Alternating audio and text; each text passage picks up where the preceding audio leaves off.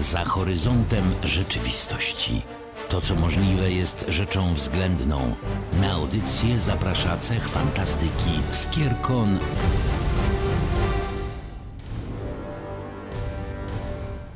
Dzień dobry. Niedziela, to wiadomo, musi być portal, a tym razem portal naprawdę wyjątkowy, ponieważ w ramach nowego sezonu, nowej wizji i nowych przyjemności, które nas czekają, rozmawiamy z pisarzem Pawłem Zbroszczykiem. Cześć Pawle. Cześć, dzień dobry, witajcie. Naszym dzisiejszym celem jest przemaglowanie Pawła i wypytanie go o różne rzeczy, które mogą Wam przybliżyć jego twórczość i jego plany na przyszłość. Mam nadzieję też, e, chociaż częściowo odsłonimy. A wszystko to rozgrywa się dzięki i poprzez fakt, że e, Paweł napisał niezwykłą książkę Dar Anomalii, którą to książkę Cech Fantastyki Skierkon objął patronatem. O tej książce będziemy głównie mówić, ale nie tylko. Nie chcę spoilerować. Pytania czekają. Pawle, pierwsze moje pytanie takie generalizujące i ukierunkowujące. Do jakiego nurtu fantastyki byś zaliczył Dar Anomalii? To jest ciekawe pytanie. Ja w ogóle pisząc tą książkę nie zastanawiałem się nad nurtami, po prostu wypisywałem litery prosto z serca, ale jak sprzedaję ją na targach, a to już moje chyba ósme czy dziewiąte targi, które odbyłem, i rozmawiam z wieloma ludźmi, którymi, którzy mi zadają podobne pytanie, odpowiadam, że jest to dark fantasy, jest to najbliżej właśnie tej kategorii. Dlaczego? Dlatego, że jest to mroczny świat i nie ma tam wątku romantycznego póki co. Czyli dark fantasy to jest obecnie eksplorowany na nowo wątek fantastyczny. Bardzo mi się podoba, że pisarze z potrzeby serca wracają do tego nurtu, bo jest on szczególny. Jest on szczególny, ponieważ pozwala nam na przedstawienie postaci i spotykających bohaterów przygód właśnie przez pryzmat samych tych przygód. Nie oglądamy się gdzieś na boki, oni przeżywają swoje przygody bez takiego lukrowania, bez e, jakiegoś takiego unikania prawdziwych dramatów, które mogą spotkać postaci również w normalnym życiu. Powiedz mi w takim razie, jaką historię opowiada Dar Anomalii? Wiesz co, jeszcze dodam do tego wcześniejszego pytania, bo fajnego użyłeś słowa lukrowanie. Ja ci powiem, Aniu, mam dość, mam przesyt książek o superbohaterach, o księżniczkach, rycerzach, którzy podbijają świat, są niezniszczalni. Po prostu to się czyta słabo. Uznałem, że dużo lepsza będzie książka w dzisiejszych czasach, kiedy mamy COVID-a, już może nie mamy, ale wszyscy wiemy, co przeżyliśmy, kiedy jest wojna na Ukrainie. Uważam, że więcej w nas jest strachu niż superbohaterstwa. I każdy się prędzej utożsami z bohaterem, który się boi, który jest egoistą, który myśli tylko o sobie, niż z takim konanem niszczycielem. Trochę, trochę już jest za dużo takich bohaterów i takich książek, moim zdaniem. No właśnie, to jest jakby przyczyna, dla której podoba mi się, że wracamy do Dark Fantasy, bo można powiedzieć, że to jest taki bardziej naturalistyczny nurt, który może odzwierciedlić nasze wewnętrzne niepokoje. Kiedyś się tego czytało zdecydowanie więcej, uważam. Dzisiaj czyta głównie młodzież i ja taką mam misję, żeby przekonać młodzież, że nie tylko Janka Dulce jest fajne, można zaczytać się w mrocznej fantastyce, również odnajdując w niej resztkę siebie, resztkę takiego kawałek świata, który nas otacza na co dzień. Powiedz mi, jak ty uważasz, czy Dark Fantasy niesie nadzieję mimo wszystko? Czy możemy powiedzieć, że czytając Dark Fantasy możemy szukać nadziei, możemy szukać wskazówek, odpowiedzi? Wiesz co, wydaje mi się, że wszystko zależy od bohatera. Moim bohaterem jest chłopak, który doznaje dużej przemiany. Tak jak wspomniałem, to jest taki jeden z nas, po prostu człowiek, który nie wierzy w siebie, który dopiero zaczyna swoją ścieżkę życiową, szuka pomysłu na siebie w bardzo mrocznym świecie. To mi trochę przypomina dzisiejszy świat korporacji, ludzi, którzy nie wiedzą, gdzie pójść na studia, co ze sobą zrobić, inflacji. I uważam, że dużo fajniej jest szukać właśnie w tego typu książkach, które są realne tak jak dzisiaj się mierzymy z różnymi wyzwaniami, niż po prostu czytać bajki, w których wszystko dobrze się kończy. Tak, uważam, że Dark Fantasy może dużo nauczyć, głównie właśnie o ludziach, głównie o bohaterach. To wróćmy w takim razie do pytania, jaką historię opowiada Dar Anomalii? Dar Anomalii to jest, słuchajcie, historia, która przedstawia świat, w którym za każdym razem, gdy ktoś posiada dar magii i chce go rozwijać, chce być coraz bardziej potężny magicznie, musi zapłacić za to cenę. Musi zapłacić za to uszczerbek fizyczny albo psychiczny. Dzieje mu się nieodwracalna krzywda. Czyli jest to historia o poświęceniu. Z jednej strony chcemy być coraz bardziej potężni, jak każdy z nas pniemy się po ścieżkach kariery, ale to kosztuje. To kosztuje zdrowie psychiczne i fizyczne i o tym też jest ten świat. Jest to historia inna niż, niż, niż wszystkie książki, które czytałem do tej pory, bo nie spotkałem się z takim trikiem i zastosowaniem. Jest to historia pełna zagadek, pełna podróży, jest to powieść drogi, trylogia. To jest właśnie obiecująca sprawa. I gdybyś e, mógł w jednym zdaniu powiedzieć, już myślę, że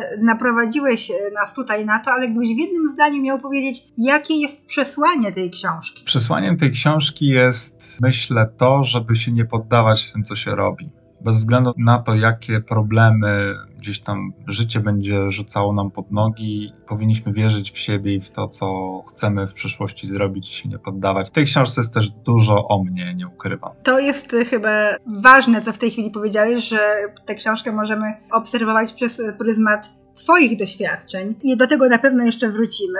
A gdybyś bez wplatania zbyt wielu spoilerów, ale mógł przybliżyć nam swoje postaci, y, bohaterów e, Twojej książki, którzy są naprawdę jednostkami niebanalnymi, to co byś o nich powiedział? Kim są? Bohaterami powiedzmy w pierwszym tomie dwoma głównymi bohaterami jest dwoje mężczyzn, którzy są młodzi, w wieku tak 19-21 lat i są bardzo różni od siebie. Bren jest postacią, o której już wspomniałem, bardzo tchórzliwą, strachliwą, egoistyczną, oportunistyczną, trochę nie wierzy w siebie, a nawet bardzo nie wierzy w siebie. Jego jedyną misją, słuchajcie, każdego dnia jest przeżyć każdy kolejny dzień. Oszukuje, manipuluje, no jak y, opowiedziałem o tym komuś, to powiedział: Słuchaj, nikt nie będzie czytał takiej książki. My nie lubimy takich bohaterów. Nic bardziej mylnego. Ludzie nie lubią bohaterów, którzy są czarni lub biali, a Bren jest taki mocno szary, on też bardzo się zmienia. No i jeszcze może chwila o Brenie. To jest chłopak, który jakby uciekł z domu. Nie będę jakby spoilerował dlaczego, ale został sam na takim wielkim, mrocznym świecie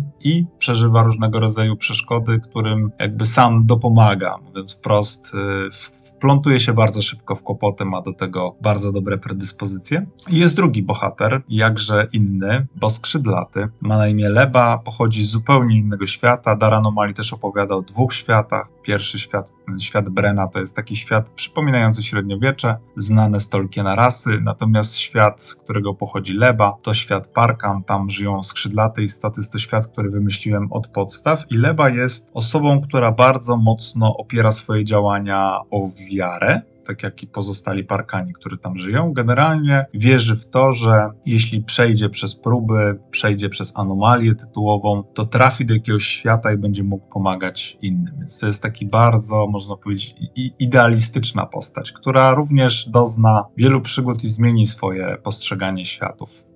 A jakie są główne dylematy i problemy, z którymi zmagają się te postaci? Bo praktycznie od pierwszych stron książki wiemy, że to są postaci w kłopotach. Co ich napędza? Z czym się muszą zmierzyć? Co doprowadza do tej przemiany? Bo to rzeczywiście jest taki nurt ważny w Twojej książce, że te postaci, nabierając doświadczenia, zmieniają się. Tak, to prawda. Ja też zastosowałem taki sposób, żeby to nie było. Nawet ostatnio czytałem bardzo fajną opinię swojej książki. Strasznie w ogóle lubię czytać te opinie i recenzje, bo to jest taki feedback szczery. Są bardzo dobre. I właśnie ktoś napisał, że podoba mu się to, iż jestem konsekwentny. Czyli jeśli Bren komuś nie ufa w pierwszym rozdziale, to w ostatnim również nie ufa. On oczywiście może jest bardziej już przekonany, ale to nie jest tak, że on nagle na podstawie jakiegoś tam zajścia, jak to w wielu książkach, już tam kobieta wzdycha, bo, bo przystojnego mężczyznę spotkała i nagle zmienia zdanie co do, co do facetów. To tutaj tak nie ma. Bohaterowie zmieniają się bardzo powoli, tak jak my w życiu zmieniamy się bardzo powoli.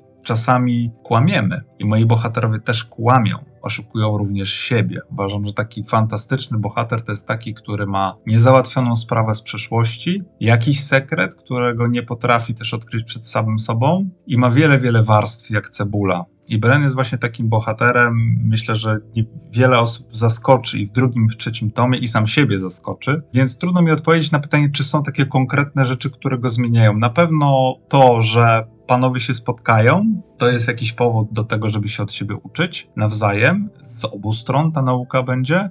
I sam świat jest nieprzewidywalny. Ja tylko mm, powiem o jednym dylemacie moralnym, bo bardzo lubię o nim opowiadać na targach. To jest w ogóle w 80% według moich obserwacji, jak komuś opowiadam ten epizod, on kupu, ta osoba kupuje książkę, bo uważam, że jest bardzo taki nietypowy. Panowie trafią do świata, w którym za każdym razem, jak rodzi się noworodek, zawsze umiera najstarszy mieszkaniec. Jak się łatwo domyślić, szybko dochodzi do konfliktu, bo młode kobiety chcą rodzić, a starsi nie chcą, aby dacie ich śmierci decydowała narodziny czyjegoś dziecka. Dochodzi do podziału, dochodzi do wielopokoleniowej, wieloletniej wojny, którą bohaterowie będą musieli rozstrzygnąć. I to jest dylemat nierozstrzygalny, ale on wpłynie na bohaterów, zmieni ich i myślę, że zmieni też czytelników, bo każdy czytelnik będzie mógł wymyśleć swój własny sposób na rozwiązanie tego dylematu. Przez to uważam, że ta książka jest ciekawa, bo ma takie momenty, nie jest to książka pod tytułem Bitwa pięciu armii przez 17 rozdziałów, tylko ma takie momenty, gdzie każdy z nas może się zastanowić, co ja bym zrobił na miejscu takiego bohatera.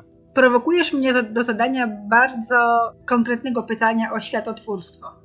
Trzeba przyznać, że Twoje pomysły na organizację, na funkcjonowanie światów, które przedstawiasz, nie ma sobie równych. Jesteś w tym bardzo dobry. Skąd inspiracja? Bo to są naprawdę rzeczy, y, które chyba nikomu wcześniej nie przyszły do głowy. Ja już nie mówię o świecie e, Brana, e, który jest no może inspirowany fantastyką. Wiadomo, że skądś to trzeba brać, ale te wszystkie klocuszki tak poukładałeś, że dały one zupełnie nową mozaikę. Jak do tego doszło? Co cię zainspirowało? Skąd pomysł i tak dalej? No opowiadaj, jak stworzyłeś te światy. To trochę muszę się cofnąć, bo to będzie historia powiązana do tego, jak w ogóle zacząłem pisać, Aniu. Ja jestem korposzczurem, albo byłem. Pracowałem w wielu korporacjach, na wielu wysokich szczeblach zarządzających, dużo odpowiedzialności i między jedną a drugą pracą pomyślałem, że czegoś mi w życiu brakuje, że trochę się pogubiłem, przestałem generalnie czuć. Wtorek mi się mylił z piątkiem, miesiące się zaczęły minąć, wakacje były króciutkie i potrzebowałem odmiany w życiu. I taką odmianą, którą sobie sam wymyśliłem, na co moja żona się przeżegnała, to pomyślałem sobie, że pojadę do Afryki samotnie w poszukiwaniu miejsca, gdzie nie było nigdy białych ludzi, albo byli dawno, dawno temu. Ja takie miejsce znalazłem. Trafiłem na jedną z wysp, tam mieszkałem dosyć długo z tubylcami, którzy wyznają religię animizmu, wierzą w święte drzewa, są tam szamani, marabuci, rozmawiają po kreolsku, więc też nie za bardzo mogliśmy się porozumiewać słownie, jedynie gestami. I myślę, że tam urodziła się moja inspiracja, widząc święte drzewa, widząc jakie nacinają, leczą się ich sokiem. No tam poczułem magię, muszę to powiedzieć wprost. Zobaczyłem, że oni wszyscy są szczęśliwi, nie mają nic, a jednak są szczęśliwsi od nas, Europejczyków, z telefonami w rękach, e, z TikTokiem, z Instagramem, z Facebookiem. I pomyślałem, że ja też chcę taki być. Nie miałem wtedy jeszcze odwagi, żeby coś zrobić ze swoim życiem, ale wtedy zacząłem pisać. Zacząłem pisać pamiętnik, ale już wtedy wiedziałem, zbierała się we mnie jakaś taka kumulowała energia właśnie o tych światach, które powstaną w książce, bo ujrzałem je właśnie wtedy w tej Afryce. I cóż, wróciłem z tej wycieczki, nie minęło 3 lata i rzuciłem pracę. Rzuciłem pracę, by pisać i do pracy nie wróciłem i, tak, i tak zaczyna się moja historia właśnie w tym przełomowym afrykańskim momencie. Słów brak e, na komentarz. Mogę tylko powiedzieć, że słychać w Twoich słowach uczciwość względem samego siebie. Po prostu stanąłeś w obliczu pewnych faktów, których nie zignorowałeś. Faktów dotyczących świata i dotyczących Twoich własnych potrzeb, i potrafiłeś spojrzeć prosto w oczy problemom i zmienić swoje życie praktycznie diametralnie. Tak, i staram się inspirować też młodych ludzi, aby być może jeszcze nie robili tej zmiany, ale aby zastanawiali się nad swoim życiem przez cały czas, dlatego że bardzo łatwo się w tym wszystkim pogubić. Czas jest bezlitosny i płynie, i wiele osób budzi się po 70 i zadaję sobie pytanie, co ja tak naprawdę fajnego w życiu zrobiłem, albo co zrobiłem dla siebie. A ja zawsze chciałem pisać, tylko o tym zapomniałem przez kilkadziesiąt lat. I dopiero taka, takie, taka podróż, takie wstrząśnięcie sobą, ja tam się naprawdę w tej Afryce bałem, ale lęk i strach to jest poczucie. Ja coś zacząłem czuć. Jak był sztorm i prawie utonąłem, to musiałem zacząć o siebie dbać, prostu wyszedłem bardzo dużo ze strefy komfortu i to mi dało takie bardzo duże otrzeźwienie, jakbym trochę tą tabletkę w Matrixie wziął, się obudził i powiedział, co ja w ogóle w życiu robię. Minęło kilkadziesiąt lat czy kilkanaście lat, a ja ciągle robię to samo i nie robię tego dla siebie. Czy pieniądze tak naprawdę są najważniejsze? patrząc, że tam każdy ma kozę, jest szczęśliwszy niż ja. I tak to się zaczęło, także drodzy słuchacze, może jeszcze nie teraz, ale pamiętajcie, jak będziecie mieli 30, 40, 45 lat, zadawajcie sobie te pytanie, co w życiu jest ważne tak naprawdę dla was. I nie zapomnijcie o tym. Imperatyw dosyć znaczący, ale ja tutaj jeszcze podrążę kwestię światotwórstwa. Widzimy źródła Twojej inspiracji, ale powiedz, dlaczego te światy ukształtowałeś tak, bo możesz powiedzieć, że tutaj inspiracją było Twoje wnętrze i Afryka. Twoje światy nie są Afryką. Opowiedz, jak, jakie elementy, jak, jaki był proces układania tego, bo to jest jedna z szczególnie fascynujących kwestii w Twojej książce. No te światy są bardzo oryginalne. Opowiadaj o nich. Przede wszystkim postawiłem na to, żeby te światy były trójwymiarowe. Naczytałem się książek, gdzie światy są z tektury, to znaczy są fajnie opisane, ale bez szczegółów i widać, że tam nie ma głębi, czyli jakby się czytelnik zastanowił, co jest tam uliczkę dalej, to tam po prostu nie ma nic, bo autor tego nie napisał i on nie zna odpowiedzi na to. Uważam, że takim kluczową przewagą autora światotwórczego jest to, że on najpierw tworzy świat albo tworzy w trakcie świat. Ja te światy tworzyłem półtora roku. Stworzyłem religię, historię, finanse, relacje zagraniczne, władców od ileś pokoleń wstecz, politykę zagraniczną, handel wymienny. Mógłbym tak wymieniać bardzo dużo tych podpunktów, z tego co pamiętam jest 49, bo czytałem dużo o światotwórstwie. I oczywiście ich nie znajdziecie w tej książce, bo jeśli tak by było, to by nam powstał jakiś Silmarillion, po prostu książka, która się czyta trudno. One są potrzebne mi. Dlaczego? Dlatego, że w niejednym dialogu albo w niejednej plotce w karczmie o tym świecie, o tej głębi się słyszy. Wtedy czytelnik ma poczucie, że tam rzeczywiście mieszka, że on tam się odnajduje, że jeśli jest zimno, to on marznie i wie dlaczego jest zimno w danym terenie. I to mi pomogło ukształtować rzeczywiście fajnie historię, bo dzięki temu ja wiem, że mogę te triki, o których wspominałem, tą całą listę, używać w różnych momentach i sam w nie wierzę. Jak mi zadacie pytanie, dlaczego Togli, Kindik i Dengis powstały cesarstwem, stały się cesarstwem, kto do tego doprowadził w którym roku, to ja w nocy o północy o tym powiem, chociaż nie ma o tym w książce, przynajmniej nie w tomie pierwszym. I to jest, uważam, bardzo fajne. Dzięki temu ta książka jest ciekawa. Słyszałem gdzieś, że autorzy dzielą się na dwie grupy. Ci, którzy zaczynają od światotwórstwa i ci, którzy powieści opierają na relacjach między bohaterami. Więc ja myślę, myślę, że jestem w tej pierwszej grupy zdecydowanie. No, no, nie umniejszaj sobie. Ja myślę, że możesz spokojnie znaleźć się w obu grupach, ponieważ e, relacje między postaciami w Twojej książce też są takie soczyste, żywe. Masz poczucie, że Ty opowiadasz, a ja czytam o postaciach, które realnie istnieją. I rzeczywiście rzuca się w oczy bardzo wyraźnie, kiedy czytasz książkę, że ten świat jest znacznie rozleglejszy niż to, co my widzimy w danej chwili, że to jest świat z historią, z kulturą, z religią, z gospodarką konkretną. To czuć. Nie jest to nachalne, ale doskonale tworzy teatr, na którym dzieje się cała ta historia. Dlatego właśnie chciałam zadać to pytanie o światotwórstwo i coraz wyraźniej utwierdzam się w przekonaniu, że dla ciebie to pisarstwo to nie jest zabawa, że to jest coś, do czego podszedłeś jak zawodowiec. Z marszu wszedłeś to jak, jak zawodowiec. Nie, nie, nie dałeś sobie czasu na amatorstwo. Nie, nie widzę tutaj w ogóle śladów nawet amatorszczyzny. Ty masz wszystko przemyślane, nawet Mo, jeśli mogę użyć takiego sformułowania, kilka kroków naprzód wiesz, co się wydarzy. Nie wiem, czy cię powinnam o to pytać, czy ty już wiesz, jak się skończy twoja trylogia? Tak, tak, oczywiście. Bez tego to byłoby to miałkie i czytelnicy wychwyciliby, w którym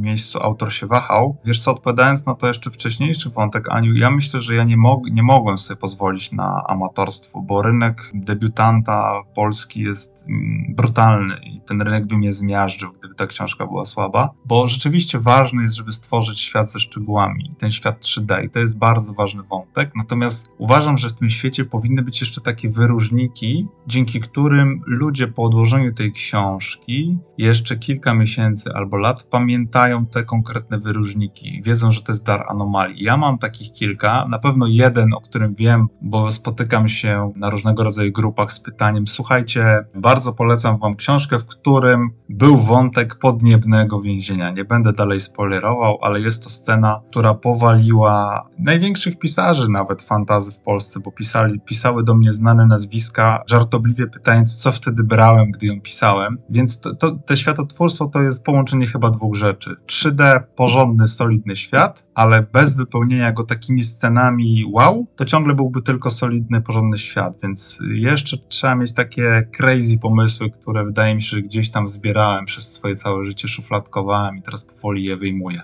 i używam. To pozwól, że zapytam Cię o research. Jak się robi research do książki, w której pojawiają się światy i wątki, których nie było wcześniej, albo nie były w ogóle tak podane? Jak można się przygotować do napisania takiej książki? Czego potrzebowałeś? Myślę, że nie można, wiesz? Myślę, że nie można. Znaczy, ja miałem taką pierwszą misję pisząc Dar Anomalii, żeby nie było tam klisz i kopii. Zresztą mam taką bardzo dobrą redaktorkę, która uczulała mnie na to od samego początku, że ludzie nienawidzą powtórzeń, albo dobra, jeśli są te powtórzenia, to żeby je w inny sposób rozwiązać, bo coraz trudniej jest o brak powtórzeń w fantastyce. Wszyscy już, wszystko już było, ale rzeczywiście ta książka, jak jest opiniowalna przez wiele osób, to najczęściej pojawia się opinia, że jest oryginalna. Moim odpowiedzią, Aniu, na Twoje pytanie jest to, że nie czytam fantastyki, czytam klasykę, czyli moim researchem jest dobry warsztat. Ja czytam na przykład teraz Lolitę Nobukowa, żeby mm, nauczyć się, jak Nobukow y, pisał o pedofilii taki sposób, że zachwycił cały świat. Ja nie chcę pisać o pedofilii, ale chcę pisać o miłości, chcę pisać o uczuciach. Gdybym czytał tylko fantastykę, uczyłbym się klisz i pewnie naturalnie zacząłbym kopiować te pomysły, a czytając klasyków, plus łącząc to z kreatywnością, z tym, że mam w głowie te mnóstwo takiego naturalnego researchu, to wtedy uważam, że wyjdzie taki wybuchowa mieszanka, taki miks, jaki jest właśnie w Darze Anomalii. Dziękuję. A teraz y, mam dla Ciebie ważne zadanie. Przypuszczam, że może być trudne. Gdybyś miał w trzech punktach wymienić, co odróżnia Dar Anomalii od innych książek, to co byś powiedział? Trzy punkty. Na pewno oryginalność. To jest coś, co każdy podkreśla, że ta książka, no już główny motyw, y, jak pojawia się magia, jak ona jest wytłumaczona i jaki jest koszt za tą magię, nie pojawia się w żadnej innej książce, z tego co wiem, a jest to główny wątek, więc bardzo ważne, że jak ktoś sięga po książkę, to może przeczytać trylogię o czymś, czego jeszcze nie było, więc na pewno jest to oryginalność. Drugą rzeczą, o której bym powiedział, to są zagadki i dylematy moralne, czyli myślę, że rzadko zdarzają się w fantastyce zagadki, które trzeba rozwiązywać. Wiele osób na targach mnie pyta, ale czekaj, to jest gra paragrafowa? Co ty mi tu opowiadasz, że ja będę musiał decydować? Mówię, nie, bohater za ciebie zdecydował, ja jako autor za ciebie zdecydowałem. Tylko jak przeczytasz książkę, napisz do mnie, bo może miałeś lepszy pomysł na rozwiązanie tej zagadki, bo ta zagadka to nie jest jak w Tolkienie, że tam trzeba Golumowi odpowiedzieć jednym słowem, stokrotka, tylko ta zagadka jest najczęściej dylematem moralnym więc odpowiedzi jest więcej niż jedna i ja sam nie wiem, czy najlepszą znalazłem. Więc to jest taka chyba fajna rzecz. A trzeci taki e, wyróżnik to jest to, że nie boję się pisać o rzeczach, o takich triggerach, które są niepopularne w Polsce. Na przykład pierwszy tom trochę traktuje też o aborcji, jest, jest motyw aborcji, czyli właśnie w tym wątku, o którym opowiadałem, walki młodych ze starymi, no dochodzi do podawania poronnych jagód, do starsi robią wszystko, by nie doszło do porodów i jakby powodują, że te dzieci, te płody umierają. Wątek strasznie trudny do przedstawienia w książkach. Nie jedno wydawnictwo skreśliłoby go, ale no mam ten y, komfort, że mogłem go w swojej książce przedstawić i uważam, że odważny czytelnik po niego sięgnie i przeczyta i doceni jeśli jesteśmy już e, przy tym, że często rozmawiasz ze swoimi czytelnikami na targach i widzę z tego, że poważne debaty odbywacie, to powiedz mi, jak czytelnicy, nie mówię teraz o krytykach, którzy dobrze przyjęli Twoją książkę, bardzo dobrze nawet, ale jak przyjęli Twoją książkę czytelnicy, z którymi widujesz się dosyć często? Wiesz co, ja jestem w szoku. W ogóle targi to jest coś, na co się nastawiałem, że to będzie katorga, bo ja jestem mimo wszystko introwertykiem, słuchajcie. Ja nie za bardzo lubię kontakt z ludźmi, taki, taki namolny, żeby przebywać 10 godzin w tłumie, a na Pyrkonie było 55 tysięcy y, osób w tym roku i spędziliśmy tam no 20 parę godzin na nogach. Natomiast to jest tak fantastyczna przygoda, to jest takie paliwo do pisania. No mam przypadki, gdzie ludzie kupili książkę na targach, czy to było w Opolu, we Wrocławiu, czy w Poznaniu, czy w Rawiczu i następnego dnia już y, do mnie pisali, że przeczytali, więc ja mówię, jak to jest możliwe, że ty w jeden dzień przeczytałeś coś, co pisałem rok?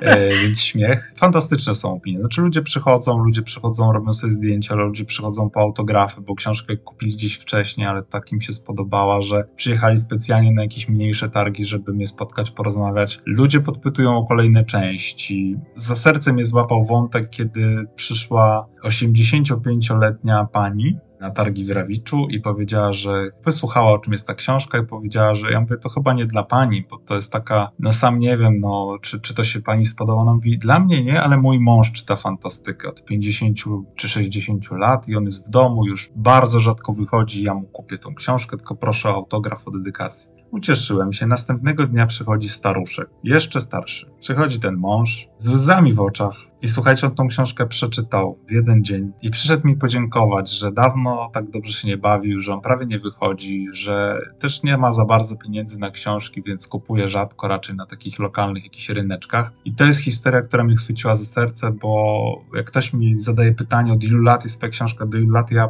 ja odpowiadam, I don't care, słuchajcie, to jest historia dla ludzi i każdy, kto chce ją poznać, będzie zachwycony, a każde takie słowa, taka, taka scenka, o której wam opowiedziałem, po prostu buduje mnie niesamowicie, bo jestem debiutantem. Ja kompletnie nie wiedziałem, czego się spodziewać nie tylko twoi czytelnicy są zaskoczeni, ale również ty jesteś zaskoczony tym, co ta książka przyniosła ze sobą na świat. Zmieniając nieco temat, chciałam się zapytać o coś, co jest dużym atutem twojej książki, bo pozwala zakochać się w niej od pierwszego wejrzenia. Mam na myśli okładkę. Jak doszło do tego, że coś tak pięknego pojawiło się na twojej książce? Jak doszło do tej przygody? To też jest ciekawa, inspirująca historia, która pokazuje, że nie warto się poddawać, czyli znowu wracamy do mojego bohatera i też do mnie. Ja sobie wymarzyłem świetną okładkę, ponieważ wiedziałem, że nie mam znanego nazwiska i jestem debiutantem i jeśli nie będę miał pięknej okładki, to nikt tej książki prawdopodobnie nie kupi. Przejrzałem, kto jest dostępny na polskim rynku i to były jakieś takie nazwiska, które też niewiele mi mówiły albo nie miałem do nich kontaktu i znalazłem człowieka,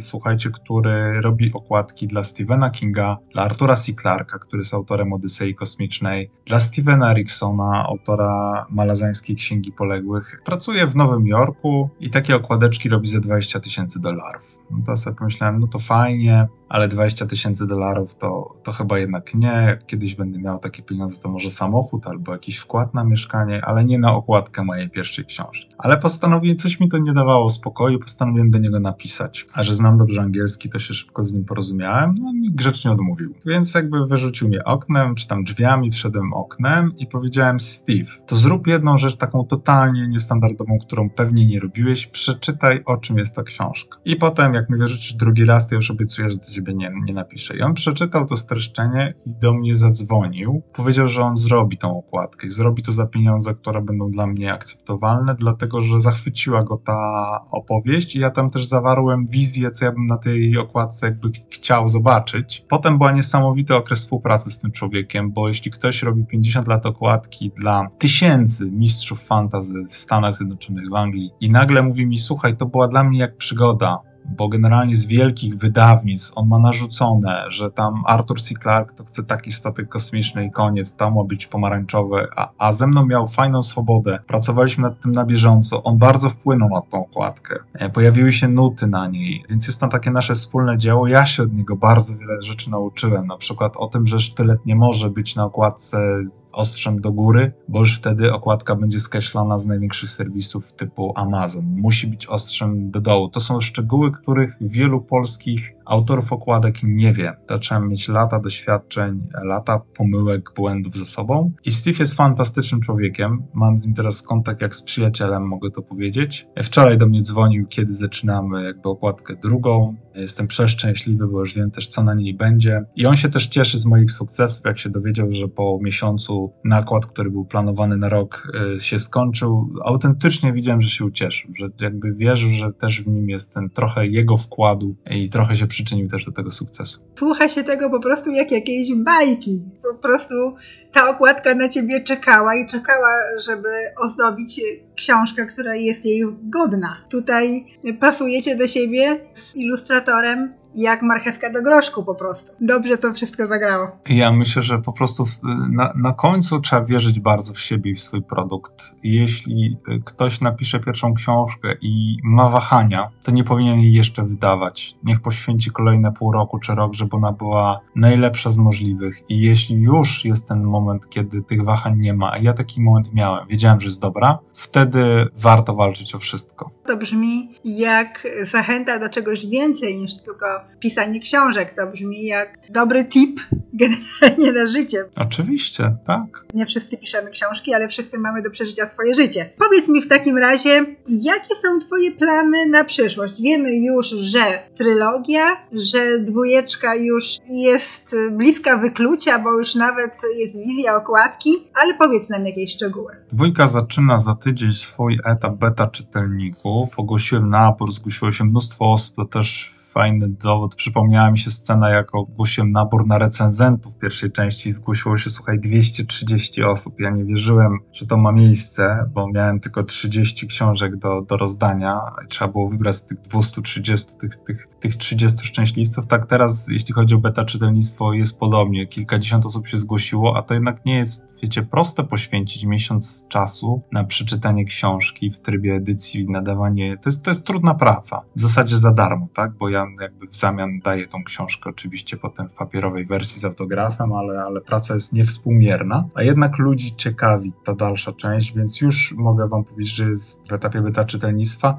Bardzo chciałem z tą książką zdążyć na targi w Krakowie tegoroczne, ale chyba już publicznie muszę przyznać, że nie zdążę. Jednak postawię na jakość, a nie na ilość. Mi się nie spieszy. Ja nie chcę zawieść czytelników, tych, którzy są zachwyceni jedynką, na przykład, że w dwójce coś będzie zgrzytało. Więc jeszcze tego na social mediach nie ogłosiłem, ale wydaje mi się, że ta premiera się przesunie na luty marzec, po prostu, żeby ta książka była dobra, dopracowana. Cieszy mnie fakt, że już mi się też udało potwierdzić współpracę z Filipem Kosiorem, który również nagrał gra audiobook drugiej części. Bardzo fajny lektor, fantastyczny. I cóż, wyjeżdżam w lipcu, na początku sierpnia na wakacje i pracować nad trzecią częścią. Dwójka jest już skończona, więc wszystko w rękach potem redakcji, beta czytelników, korektorów. Chociaż Muszę przyznać, że jedynka po redakcji została w 40% przepisana, więc jeszcze czeka mnie na pewno sporo pracy. Kończę trylogię. Słuchajcie, dostaję tyle maili o tym świecie, o tym światotwórstwie, o tym uniwersum, że ludzie bardzo mnie namawiają, żeby nie kończyć na trylogii w tym świecie. Ja miałem plan, żeby pójść bardziej w Young Adults, czyli stworzyć coś dla typowej młodzieży w takim stylu. Nie wiem, czy to potrafię, ale jak widzę, jak moja córka się zaczytuje rodziną monet, nie wiem, w czym jest,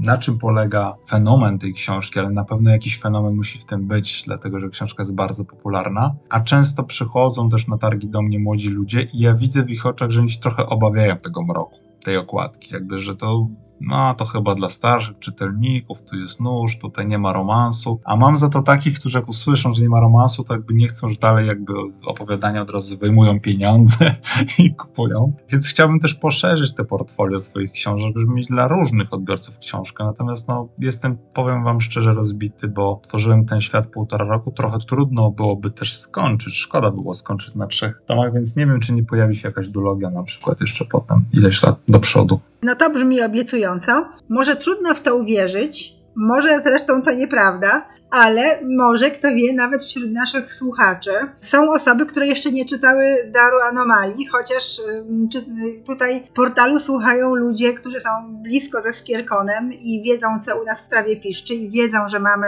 patronat nad Twoją książką, wiedzą, że polecamy tę książkę nie od dziś, ale gdybyśmy założyli, że ktoś y, nas słucha, kto jeszcze nie czytał, to jak byś jednym zdaniem zachęcił odbiorców do sięgnięcia po tę książkę? Poza tym, że nie ma romansu, rozumiemy, że to jest bardzo e, obiecujące, ale spotykasz człowieka i masz go przekonać jednym zdaniem, że to jest książka, której szukał. Tak zwany pitch elevator, jak to się mówi. Spotykasz prezesa w windzie i masz go przekonać, że macie przyjąć do pracy, a jedzie tylko piętro. Myślę, że powiedziałbym tak. Jeśli chciałbyś, czy chciałabyś przeczytać książkę, która jest inna niż pozostała fantastyka, jest pełna mroku, jest pełna strachu, ale takiego pozytywnego strachu, bo jednak kończy się happy endem i wszystko zbiera się potem do kupy w fajną przyszłość. I jeśli chciałbyś zobaczyć, jak ludzie potrafią się zmienić na lepsze i przeżyć doskonałe przygody, bo w tej książce akcja goni akcję, to nie jest orzeszkowa i nadniemnem, a to jest raczej ADHD na 340 stronach, to powinnaś sięgnąć, powinnaś sięgnąć po tą pozycję, dlatego że czyta się ją szybko i długo zostaje w głowie. Brzmi jak czytelniczy plan. Było tak ciekawie, że tylko raz zerknęłam na czas i wydawało mi się, że mamy go jeszcze tak dużo, to już proszę bardzo. To mam ja ostatnie pytanie i brzmi ono tak. Jakie pytanie chciałbyś, żeby padło w trakcie naszej rozmowy, a nie padło? Sam sobie zadaj jakieś pytanie, co do którego byś chciał, żeby nasi słuchacze usłyszeli odpowiedź. Czy żałujesz, że zacząłeś pisać i zrezygnowałeś z pracy? Hmm, trudne pytanie. Nie, kochani, nie żałuję. Trudno mi było przez pierwsze pół roku, po wielu latach pracy, wiecie, z deadline'ami, z projektami po 10-12 godzin na dobę i człowiek nie potrafił znaleźć rytmu. Jestem perfekcjonistą, więc brakowało mi przynależności do jakiejś firmy. Nie potrafiłem się w tym odnaleźć. Przed tym Was też ostrzegam, jeśli będziecie taką dużą zmianę w życiu robić, niekoniecznie związaną z pracą. Dajcie sobie czas na aklimatyzację. Po pół roku, trzy czwarte roku ten czas nadszedł i ja czuję się świetnie. Ja otwieram, lubimy czytać, czytam pierwszą opinię z brzegu, robię sobie kawę i wiem, że piszę kolejny akapit już w początku trzeciego trzeciego tomu. I to, co Wam mogę zagwarantować, że jeśli nic się nie wydarzy, napiszę jeszcze kilkanaście, jeśli nie kilkadziesiąt książek, bo to była zawsze moja ukryta pasja. Wreszcie jestem w momencie, w którym zawsze chciałem być doskonała konkluzja naszej dzisiejszej rozmowy. Pawle, wielkie dzięki, że poświęciłeś czas, żebyśmy mogli nagrać wspólnie portal. Dzięki za tę rozmowę, dzięki za słowa o Twojej książce, o Twoim życiu i za te tipy, które mogą posłużyć nam wszystkim do tego, żeby sobie dobrze ułożyć życie. Ja również dziękuję za zaproszenie. Rozmawialiśmy z Pawłem Zbroszczykiem, autorem Daru Anomalii, niezwykłej książki, którą Cech Fantastyki Skierton objął patronatem i jest z tego bardzo dumny. Inne, wcześniejsze i późniejsze portale oczywiście zawsze z Wami. Znajdziecie je na Spotify'ach i YouTubach. Zachęcamy do słuchania, bądźcie z nami. Dzięki, cześć i czołem i do usłyszenia następnym razem.